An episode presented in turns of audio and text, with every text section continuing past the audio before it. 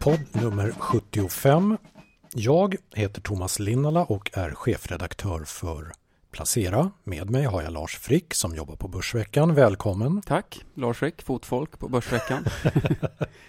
idag är det den 2 november och eh, idag ska vi som vanligt bara ge uttryck för våra personliga åsikter. Just det. Hur dumma de än är så, Mm. eller till äventyrs intelligenta så är det våra. Känns som att det är lite synkat med såväl väder som börs idag. Mm. Det är inte tummen upp direkt. Nej, det är onsdag. Höstrusket har rullat in över Regeringsgatan eh, och vi befinner oss ett stycke från Jarlaplan. Regn blandas med snö och det blåser hårt. Även på börsen. Och det här är intressant. Här tänkte jag börja innan vi går in på läsarfrågorna. Känslan man får när man tittar på börsen idag det är att det är riktigt, riktigt surt. Men eh, jag är själv lite förvånad över hur, hur jag reagerar på börsen när jag nu börjar titta efter. Vi befinner oss ungefär 3% under toppen som vi hade här senast nu i slutet på oktober. Och eh, när OMXS30-index var ner som mest i juni så stod vi på 1200 nivå. Nu är vi fortfarande över 1400. Hur kommer det sig att vi är så historielösa? Ja, det är, Att vi reagerar sådär bara? det är en bra fråga. Det tycker jag är en, ehm, en eh, bra observation som eh, tål att dissekeras lite. För ofta är det ju sådär att humöret eh, färgas väldigt mycket av nuet. Och så tolkar man framtiden utifrån hur det känns idag.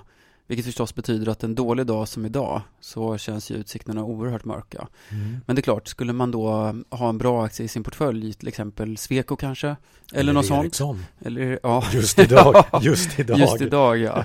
Och då känns det ju plötsligt mycket ljusare, så det är väl viktigt att försöka hålla isär eh, dagsformen ifrån investeringsbesluten. Lätt att säga, svårt att göra. Mm. Vi är också ganska frustrerade på Börsveckan. Vi, eh, vi har väldigt svårt att hitta en, en tydlig linje, eh, tycker jag, i, i de rörelser. Det har ju funnits en del. arbete. Precis. Ehm, jag menar banker och försäkringsbolag till exempel hade ju en stark utveckling här under sensommaren och, och fram tills ganska nyligen. Och så plötsligt. Ja, och sen så har det ju vänt. Det finns ju flera, framförallt en del nischbanker som har tagit väldigt mycket stryk som vi kan återkomma till. Men, men det mönstret försvann. Eh, när oljan gick starkt så blir det ju med nödvändighet, eller per definition nästan också så att en del andra sektorer som är exponerade mot det, förutom börs och börsen i stort då, följer med. Så, där. så att rätt ofta kan man ändå se några mönster. Men nu tycker jag att det är väldigt, väldigt svårt att se det. Det är inte defensivt som går bra, det är, mm, utan det är, det är lite mm, överallt. Det är, Hela havet stormar. hela havet stormar. Det är lite samma typ av bolag både på vinnar och förlorarlistan Mm. och då är det ganska svårt att se, se någon riktning tycker jag. Mm. Klokt sagt. Tack. Låt oss gå in på läsarfrågorna. Hej, hej Thomas och Frick. Nu är du inte Lars utan nu är du Mm. Tack för den senaste och alla andra tidigare avsnitt från er podd. Jag dristar mig nu att ställa en, jag tycker om att han använder ordet dristar också. Mm, det är bra. Bra svenska. Ja, jag dristar mig nu att ställa en kortfattad fråga. Punkt, punkt, punkt, Novo. Med vänlig hälsning Svante. Och det är fler ska jag säga på en gång som undrar om Novo. Det är eh, till exempel aktienovisen, eh, signaturen aktienovisen. Det är eh, signaturen också med vänlig hälsning Peder. Mm. Ställer också så här, nu när den har gått ner så mycket, är det nu man ska gå in? Vad säger du? Novo-experten, Ja. Nordens största bolag. Okej, nu kanske jag kan återknyta det jag sa tidigare med dagsform. Men jag har ju håsat Novo rätt länge och ett tag var det bra och eh, sen, eh, ja egentligen första augusti blir det väl eh, i år, så har det varit en fullkomligt genomusel rekommendation. Ehm, så det har ju varit, eh, det är ju intressant, de har alltid varit ganska försiktiga i sin så kallade guidance när de ger utsikter för helåret och sen så har året tuffat på lite och så har de oftast höjt och Så har det varit de senaste, ja, rätt många år då. Men nu är det ju tvärtom, att plötsligt är de inne i någon sorts prognossänkningscykel och i stort sett allt handlar om priserna.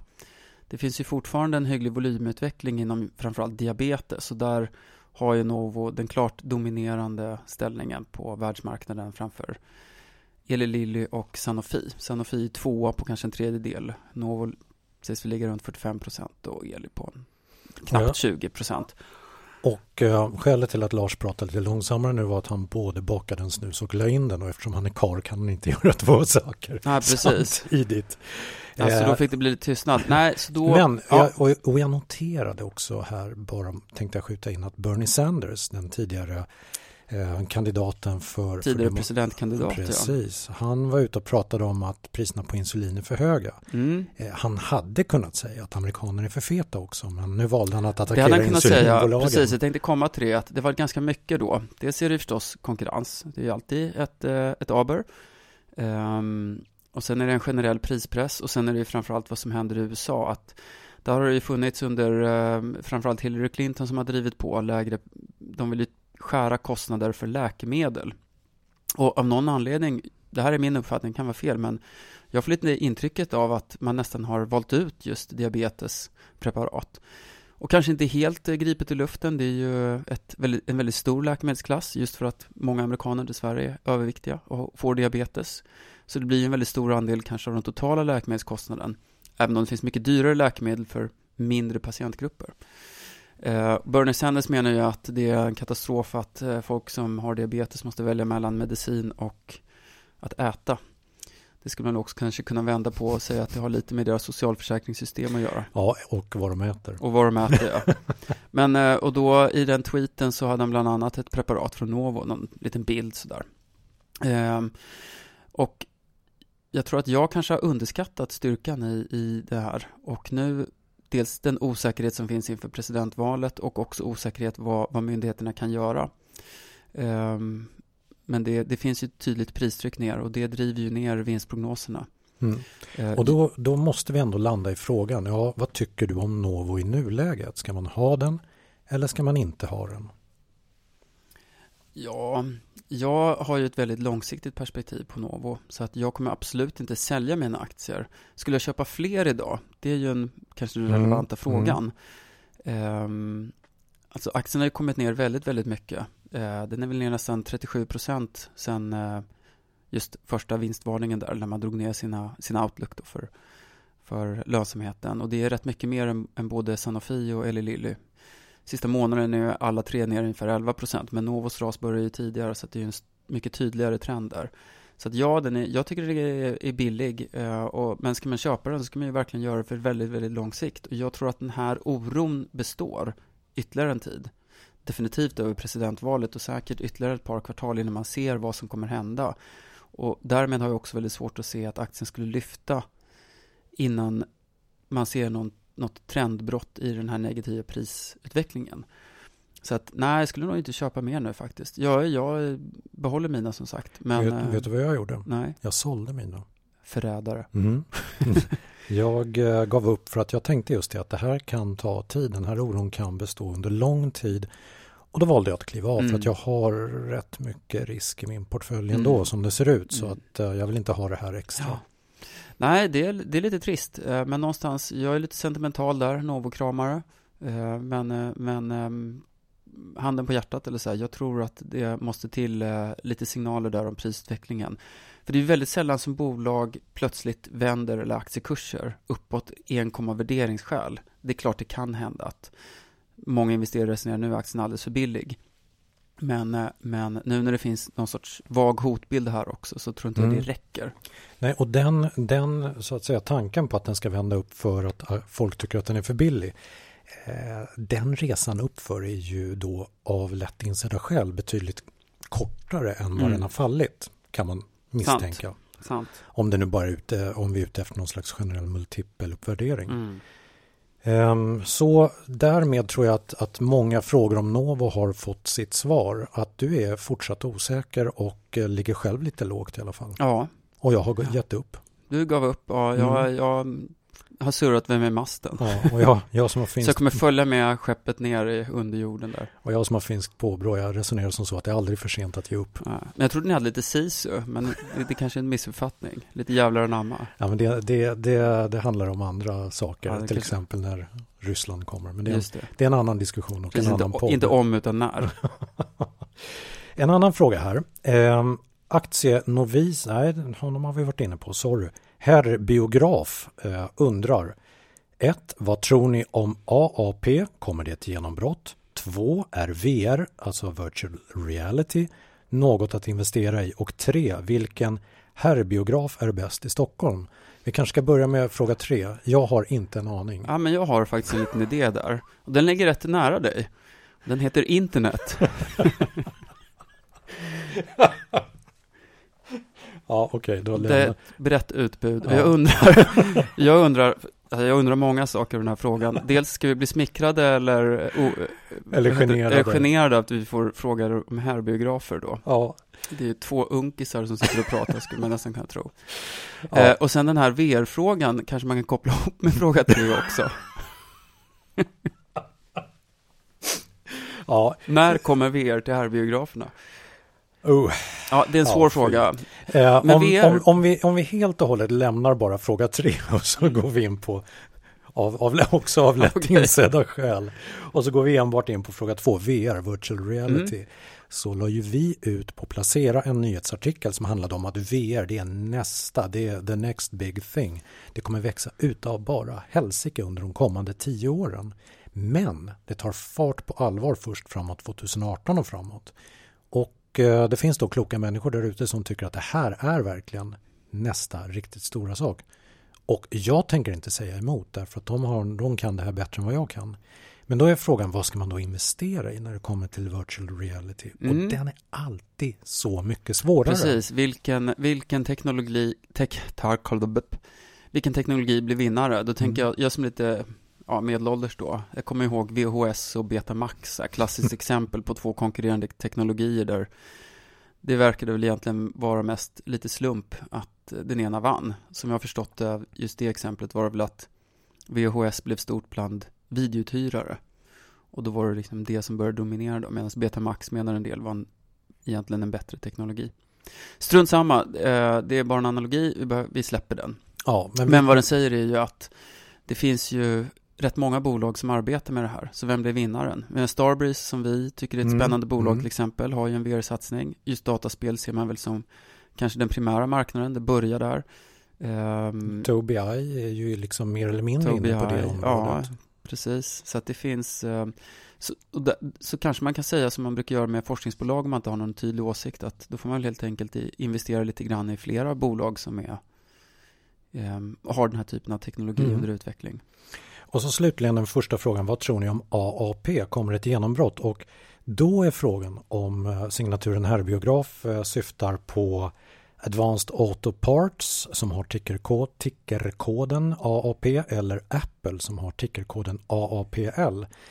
Eh, jag roade mig med att titta lite närmare på Advanced Auto Part och aktien har fallit 17% på tre månader. Lite grann, bolaget är som ett lite biltema i USA och just nu så erbjuder de 10% rabatt på beställningar över 30 dollars. Ehm, kommer det ett genombrott? Ja, jag vet inte riktigt. Ehm, däremot så tror jag att eh, verksamheten tuggar på och att den amerikanska konsumenten tillsammans med då klassiska vinterstormar, northeastern, northwestern, northwestern, northeastern, nor, Maine-gänget. Ja, typ liksom. när det blåser uppifrån sjöarna där. Eh, att det är där, där de har nog potential att spela viss roll och den här aktien brukar ha ett eh, säsongsmönster där den går ganska bra sen höst och vinter.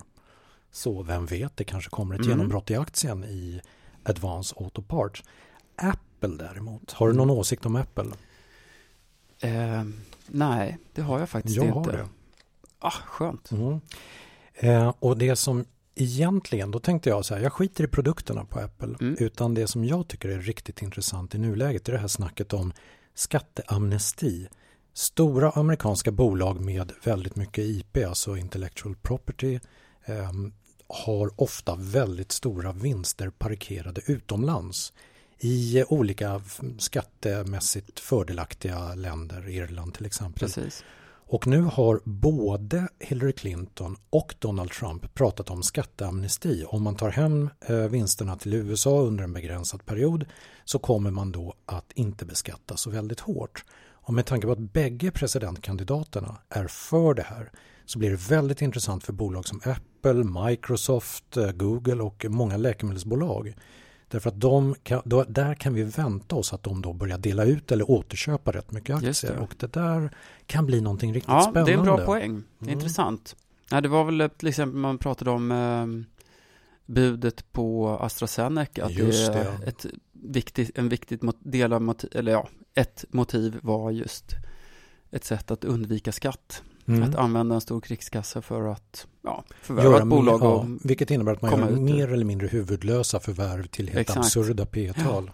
Och jag tycker fortfarande att AstraZeneca är väldigt högt värderad. Mm.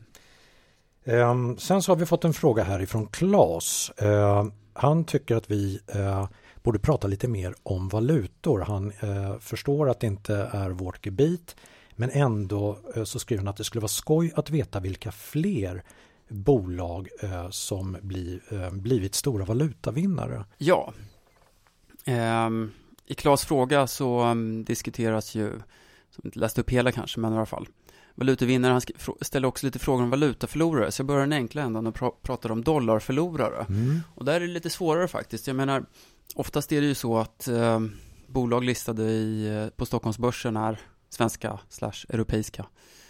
Och då har man ju oftast huvuddelen av sin produktion kanske i närområdet och försäljning i USA som ju är en väldigt, väldigt stor marknad.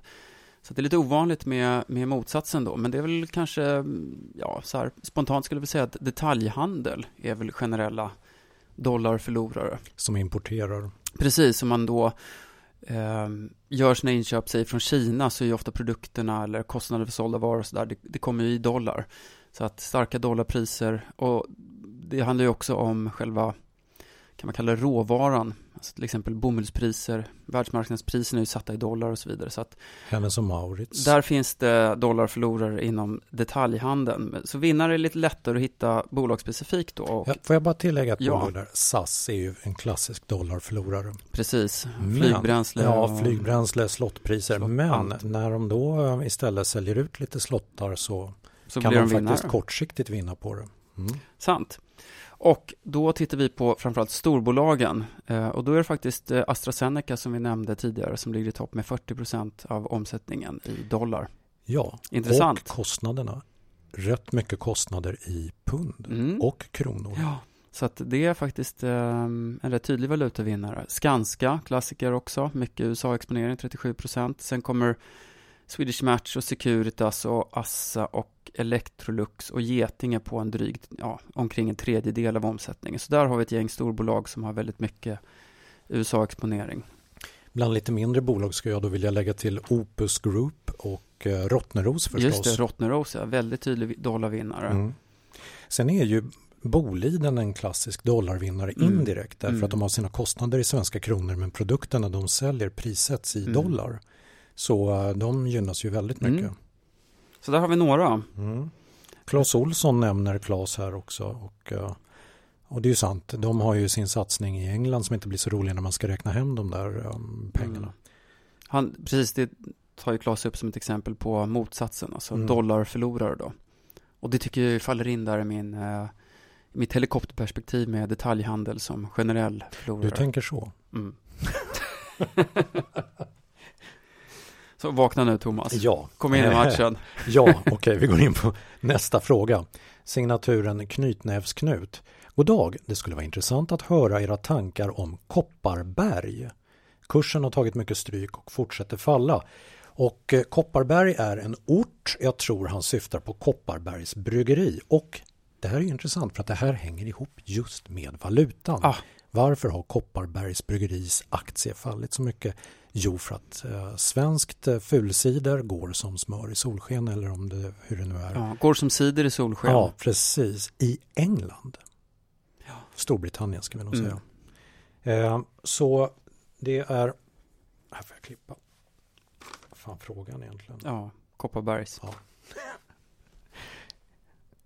Så att så länge vi har den här valutasituationen så uh, kommer det nog vara lite press. Och sen ska mm. vi komma ihåg att aktien har ju gått något så överjäkligt bra också under mm. lång tid. Ja. Precis, så där är väl lite synd då. En styrka som blev en svaghet. Stora framgångar i Storbritannien som nu ligger dem till last. Men det är klart, förr eller senare vänder även pundet och då kanske det är läge att titta lite extra på Kopparbergs mm. bryggeri. Mm. Men eh, jag skulle avvakta tills dess. Alternativt tills jämförelsesiffrorna börjar bli lite enklare och det här har vaskat igenom i resultatet. Då. Alternativt att de börjar sälja en masse i USA. Ja. Det kunde vara något. Um, sista läsarfrågan eller lyssnarfrågan. Um, här är det Pontus som skriver att han skulle uppskatta fler aktieanalyser från övriga Norden. framförallt Finland som jag tycker lever i skuggan av övriga nordiska börser, men även Norge. Mm, bra vi, fråga. Ja, vi får ta till oss av det. Va? Det tycker jag. Du har ju Eh, varit inne på Protector och andra norska sakförsäkringsbolag. Vi gör en Norden special en gång om året, så det är alldeles för sällan men ändå i Börsveckan. Eh, För det finns ju många intressanta bolag. Det finns spännande bank och försäkringsbolag i, i Danmark, Carlsberg förstås. Finland har ju de här Kram och Ramirent och så vidare som är kanske lite extra cykliska som kan vara väldigt intressanta i rätt konjunkturläge. Orion, spännande läkemedelsbolag i Finland, ganska högt värderat men delar ut väldigt, väldigt mycket och eh, de har också kommit förbi sitt patentgap som man pratade så mycket om för några år sedan. Det ligger fortfarande skvalpar en del patentutgångar för många av de största aktörerna men för, i, för Orion så är det där mer eller mindre hanterat nu. Så att, ja, det finns mycket, Mm. så vi, det är bara att instämma. Det finns mycket som är kul i övriga Norden och förstås olja och gassektorn i, i Norge. Mm. Och i Finland finns ju också Olvi, bryggeriet som tillverkar världens bästa bastuöl, nämligen Sandels mellanöl. Uff. Här skulle jag kunna citera Runeberg, men vi hoppar över det tror jag. Men därmed ett löfte till Pontus och andra lyssnare. Vi ska nog eh, hugga tag lite mer i Definitivt, nordiska. mera Norden. Ja. Då så, därmed är de frågorna avklarade och då tänkte jag eh, gå in på något som jag har eh, döpt till eller kallat veckans fall from grace. En sinker skulle vi också kunna kalla det. En Den här gamla, den nygamla eh, rubriken. Ja, men att falla ur nåden i Mm. biblisk mening har också en annan betydelse här. Jag tänkte nämligen ta upp Hexagons vd, Oj, Ola Rolén, häktad. Det var faktiskt en överraskning va? ja, vad ska man säga? Nej, det, Självklart. Ja, det ser Jag inte kan ju inte gärna ut. påstå att, jo men jag hade förväntat mig det. Nej, och det här, det här har ju ältats i väldigt många medier. Det finns ingen anledning att älta det igen, men däremot så tänkte jag bara den här reflektionen över att Melker Schörling drar ju sig tillbaka av hälsoskäl. Ehm, Ola Rolén har uppenbarligen bekymmer, juridiska bekymmer. Eh, och det börjar se lite sådär, um, vem ska egentligen ta ledningen i Hexagon om det skiter sig kapitalt? Så ja, frågan är då, Mm. Hexagon har ju fallit som en sten. Och jag vågar inte, jag vågar inte plocka upp den på den här nivån. Jag, jag känner oro. Ja, det är, det är väl rimligt. Nu drar jag en djup suck här och försöker tänka efter, men det ploppar inte upp något smart i huvudet. Men det, det handlar väl om frågan hur, viktigt tror man Ola Rolén är för Hexagon? Och jag tror Och att den är viktig och framförallt, framförallt så är det här någonting som riskerar att lite Alltså, in, ska, när man säger lamslå så låter det så dramatiskt men det, det kan ligga bolaget i fatet under väldigt lång tid för att vi ska inte tro att det här är någonting som blåser över på en vecka eller så. Mm. Där, där känner jag helt enkelt oro. Nej, det, det är klart, det kan ju bli en rätt um, en um, stor um, pendelrörelse tillbaka då om Ola Rolén blir friad. Mm. Ehm, och med tanke på facit för eh, hur många fällande domar man får inom insiderbrott och ekonomisk brottslighet överlag så känns det väl ändå som att han har oddsen på sin sida. Ja fast nu är det ju Norge och det är en svensk. Men vet, de kanske tar fram lite extra hårda nyper. En... Det som, det som kanske förvånar mig lite grann är att under alla mina år i aktiemarknaden på olika banker så har det liksom alltid mellan skål och vägg sagt sådär att ja men norska börsen det är ju High Chaparral ja, rakt igenom visst. vilda västern Ja. och där Och så är det en svensk som åker dit. Ja. Det är lite typiskt. Ja, faktiskt. Ja. Men det finns en annan reflektion och jag var inne på det och det är nämligen då Melker Schörling. Han har ju som bekant ett eget investmentbolag med sitt eget namn och den aktien har handlats med eh, premie under väldigt lång tid. Och då har vi det här stora innehavet i Hexagon som har fallit som en sten och vi Ja. har Melker som drar sig tillbaka Mm. och vi har Rolén som är upptagen i eh, Norge. Mm. Och eh, jag ska inte köpa Melker heller, Melker Schörling på den här nivån heller för att jag är nog rädd för att det kan vara slut på den där premievärderingen. Absolut. Hashtag end of story. Och veckans Fall from Grace nummer två då, eller? Finns det två? Sinkare, du, jag har fler. Eh, Collector, eh, Ah. ner 13,5 procent på en vecka. Och det här är intressant. Intäkterna och resultatet var alltså marginellt lägre än förväntningarna i Q3. Mm. Kreditförlusterna trendar neråt. Okej, kredittillväxten var lite sämre i Q3 men ledningen hävdar då att den kommer att öka i Q4. Men aktien rasar. Eh, folk är nervösa känns det Ja, som. det här är ju klassiskt eh, mönster tycker jag på en svag börs. Att det är vad man brukar kalla negativt tolkningsföreträde. Ja.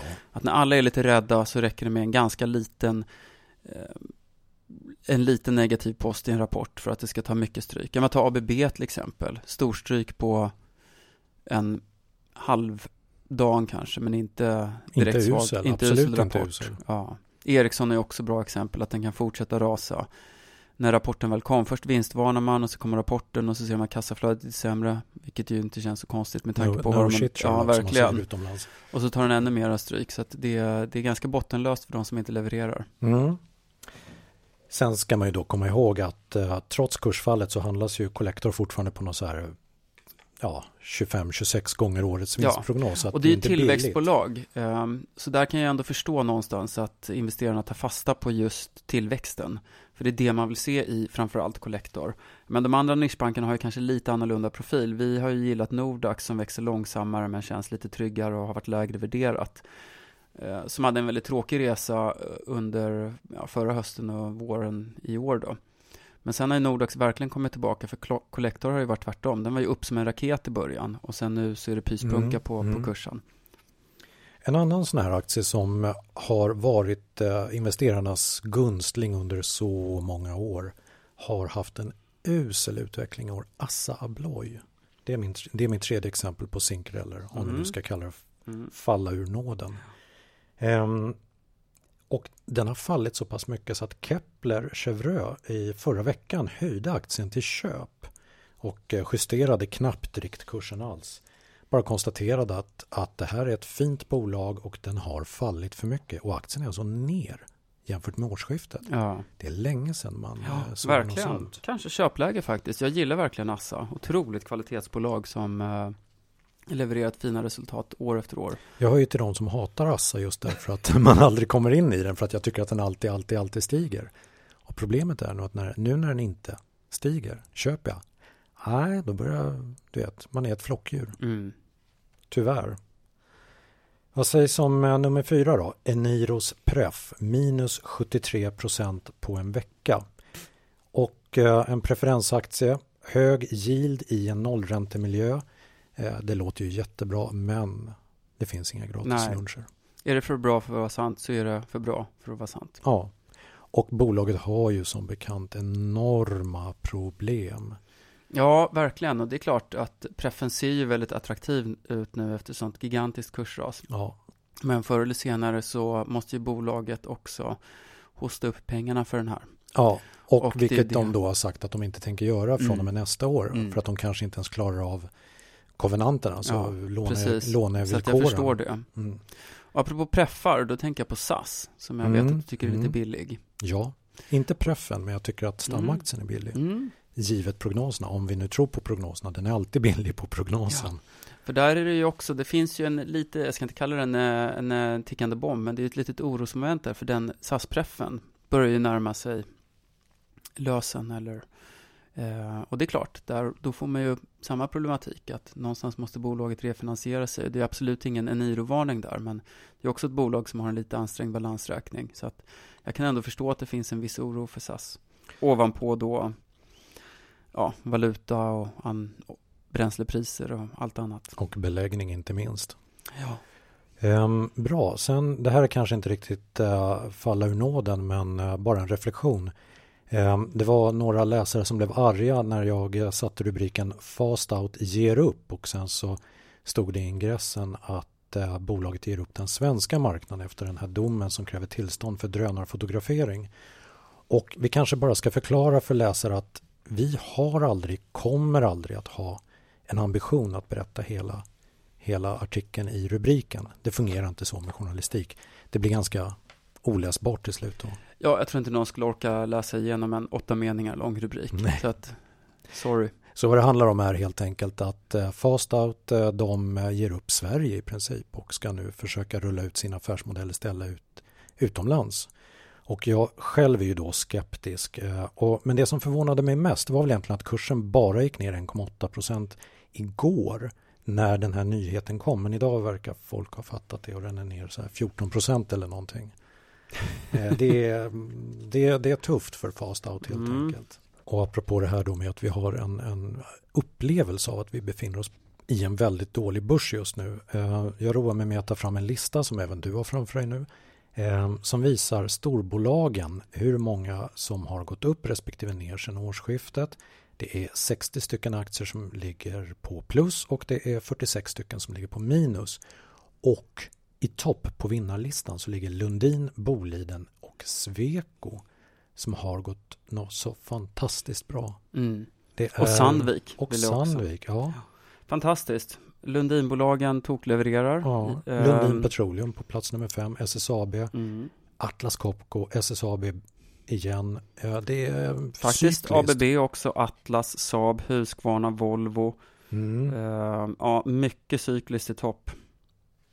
Det där är väldigt det? intressant. Vad säger det om marknaden? Ja, det brukar ju vara en indikation på att man blir lite mer uh, offensiv. Riskvillig. Ja. Kanske är det så också att här i slutet... Det här är ju en sån här total hokus pokus förklaring då, men nu börjar 2016 närma sig slutet. Då tittar man inte längre på estimaten för innevarande år, utan då börjar man titta på nästa år. Eh, och då är det förstås lätt att bygga lite glada prognoser. Nästa år kommer tillväxten tillbaka. Nästa år kommer det hända grejer och så vidare. Och då är det förstås den här typen av bolag som framförallt blir intressanta Ja, och framtiden tenderar att alltid vara ljusare ju längre ju längre bort ifrån man är den.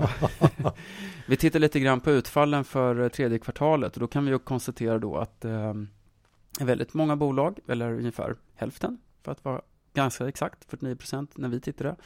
Då hade i och för sig inte alla kommit in, men säg 90 procent av storbolagen i alla fall. Um, och eh, vinsterna har överlag varit bättre än väntat i tredje kvartalet. Ja. Däremot så tillväxten har varit lite, lite sämre. Mm. Och, eh, så det är fortfarande det här mönstret då med lönsamhetsförbättringar som driver vinsterna. Och jag tycker att cykliska bolag, då vill man väl ändå se lite tillväxt på översta raden, att omsättningen kanske inte tar fart, men i alla fall ökar lite grann. Och där är vi ju inte riktigt. Nej. Vi är inte riktigt på, på den punkten. Så det här känns mer som förhoppningar, tycker jag, än, än uh, verklighet. Vi får vi se nästa år. Då, ja. Det finns en komponent då som vi redan har varit inne på, nämligen valutan. Eh, ja, det är ju sant. Vi har ju en, eh, en dopad krona, dopad neråt då. Mm. Eh, och det är klart, det gynnar ju de här bolagen. Så det är ju ändå intressant att se kanske att här är ett fall där makroekonomi slår igenom i, i värdering. Mm, men fortfarande så är det ju tillväxten vi vill se. Mm. Man kan trimma hur mycket man vill på mm. marginaler och man kan ha fördel av av valutakurser men mm. har man inte någon tillväxt så blir det ingen långsiktig vinsttillväxt att tala om ändå. Mm. Ja, Nej, så att, eh, och bara för att klargöra alltså att det här med att tillväxten inte att den var lite sämre, det var alltså lite sämre än prognostiserat. Den är fortfarande det. låg, men den är ju inte, så att säga, det är inte minustal på, på omsättningen för de här bolagen. Det är mot förväntningarna. Ha, vad säger du? Ja. Det är väl bara egna aktieaffärer kvar va? Ja, för tusan. Jag har inte mm. gjort några. Du har inte det? Har du? Jag har köpt faktiskt eh, Mera Subaru. Oh. De, uh, nyemissionen stänger nu och jag mm. har uh, Ja, På scenen, när vi pratade om Novo, då sa du att du uh, tyckte att du redan hade lite för mycket risk i portföljen. Ja. Så du säljer Novo och köper Subaru. Bara ett litet klargörande. Ja, så du fattar, du fattar varför jag vill dra ner på risken. ja, det är förmodligen en, en bra affär. Ja, eller Ja, vi får se. Vi får se. Det känns som att nu just, ja, det är extremt hög risk, men vem vet. Det var väl allt för denna gång. Ja, tack, tack Thomas. Tack Lars och tack för att ni lyssnade. Tack så mycket.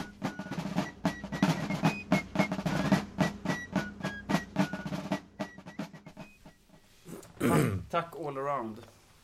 Tack till alla. Åh, Tacka Gud. Den var bra den där med internet. Ja, Det, är en, det, är, det är en järv ny värld. Det är inte så mycket sån här halvsunkig biograf på en tvärgata längre. Gudskelov höll jag på att säga. Ja. Jag har i och för sig inte varit någon stor konsument av den, just den tjänsten. så för mig spelar det ingen roll, men... Nej. Åh. Fan vad seg Och det börjar mörkna där Ja, det är bara ett helvete. Det blir bara sämre och sämre. Ja. Allt går åt skogen. Mm. Och börsen är ner.